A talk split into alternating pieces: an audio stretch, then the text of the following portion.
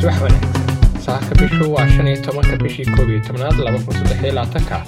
halkaad naga dhagaysanaysaan waa barnaamijka dharaar kaas oo wararka caalamka kuwooda ugu muhiimsan aan idiigu soo gudbinno iyagoo kooban subax walba lixda subaxnimo ayaan idiigu baahinaa adeegyada boodkastyada sida spotify iyo apple bodcast youtube-ka iyo facebookana waxaanu ku baahinaa sideeda subaxnimo waxaa idiin soo jeedinaya saaka anigoo ismaaciil cali asad ah. Soo dhowaada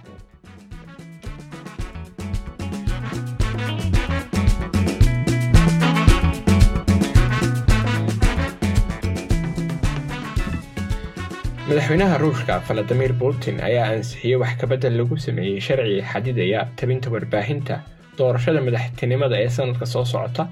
doorashada ayaa lagu wadaa in la qabto bisha maarj madaxweynaha ruushka oo toddobaatan iyo kow sanno jir ah oo dalka hogaaminayay muddo afar iyo labaatan sanno ah ayaa la filayaa inuu xilka sii hays doono muddo lix sanno oo kale.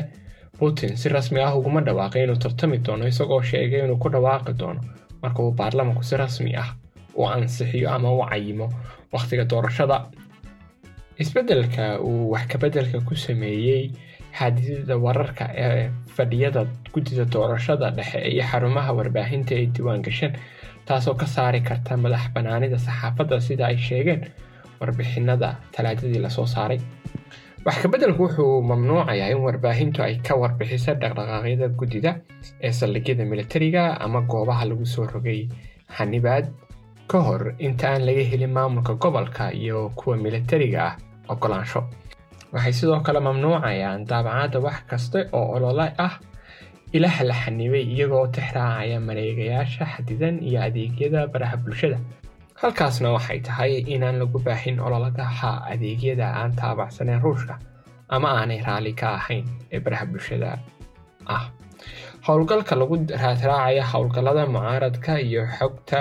ruushka ayaa mamnuucay shabakado iyo adeegyo badan oo ay ku jiraan facebooka iyo instagramku. Sanadkii u dambeeyey si loo dhaqangeliyo mamnuucistan wasaaradda horumarinta iyo isgaarsiinta warbaahinta ee ruushka ayaa ka soo waramaysa inay qorsheynayso inay xanibto qaar ka mid ah shabakadaha gaarka loo leeyahay ee v b n-ka ruushku si weyn wuxuu adeegsadaa v b n-ka si ay uga gudbaan xanibaadaha internetka qaybna uga noqdaan platformyada ama adeegyada baraha bulshada ee instagramka iyo facebooku uu ka mid yahay. Wakaaladda wararka ee dowladdu leedahay ee ria ayaa sidoo kale soo xigatay wasaaradda warbaahinta iyadoo sheegtay in xanibi karto qaar ka mid ah v b n-ada oo guddi khubaro ahi u aqoonsadeen khatar inay ka soo socoto v b n-ka. Tan iyo markii ruushku uu weeraray kii februari ukraine waxaa yaraa codadka warbaahinta madaxa bannaan ee gudaha ruushka ka shaqaynaysay boqolaal suxufiyiin ah ayaa baxsaday iyadoo qaar kaloo fara badan oo caan ahna lagu xidhay dacwado kala duwan iyo dembiyo ka dhan ah dowladda ruushka waxay u aragta khatar balse waxay inagu odhan karnaa waxay wax ka qorayeen waxyaabo aanay dowladda ruushku aanay raalli ka ahayn agaasimaha amnesty international ee bariga yurub iyo bartamaha aasiya maria ayaa sheegtay in taangiyada ruushku marka ay galeen gudaha ukraine ay bedeshay dowladda ruushku istaraatiijiyadii sidaasna ay keentay in warbaahinta ruushka meel cidlo ah ay kaga dhaqaaqdo dowladdu ama iyadoo ay u jeedo kolley in qaabkii madaxa bannaanaa ee u shaqaynaysa warbaahinta ruushku aanay iminka jirin taasuna ay ka dhigan tahay inaan laysku hallayn karin. Wakaaladda codbixinta oo qiimeyn samaysay taageere intee leeg ayuu haystaa madaxweynaha ruushku ayaa waxay soo saartay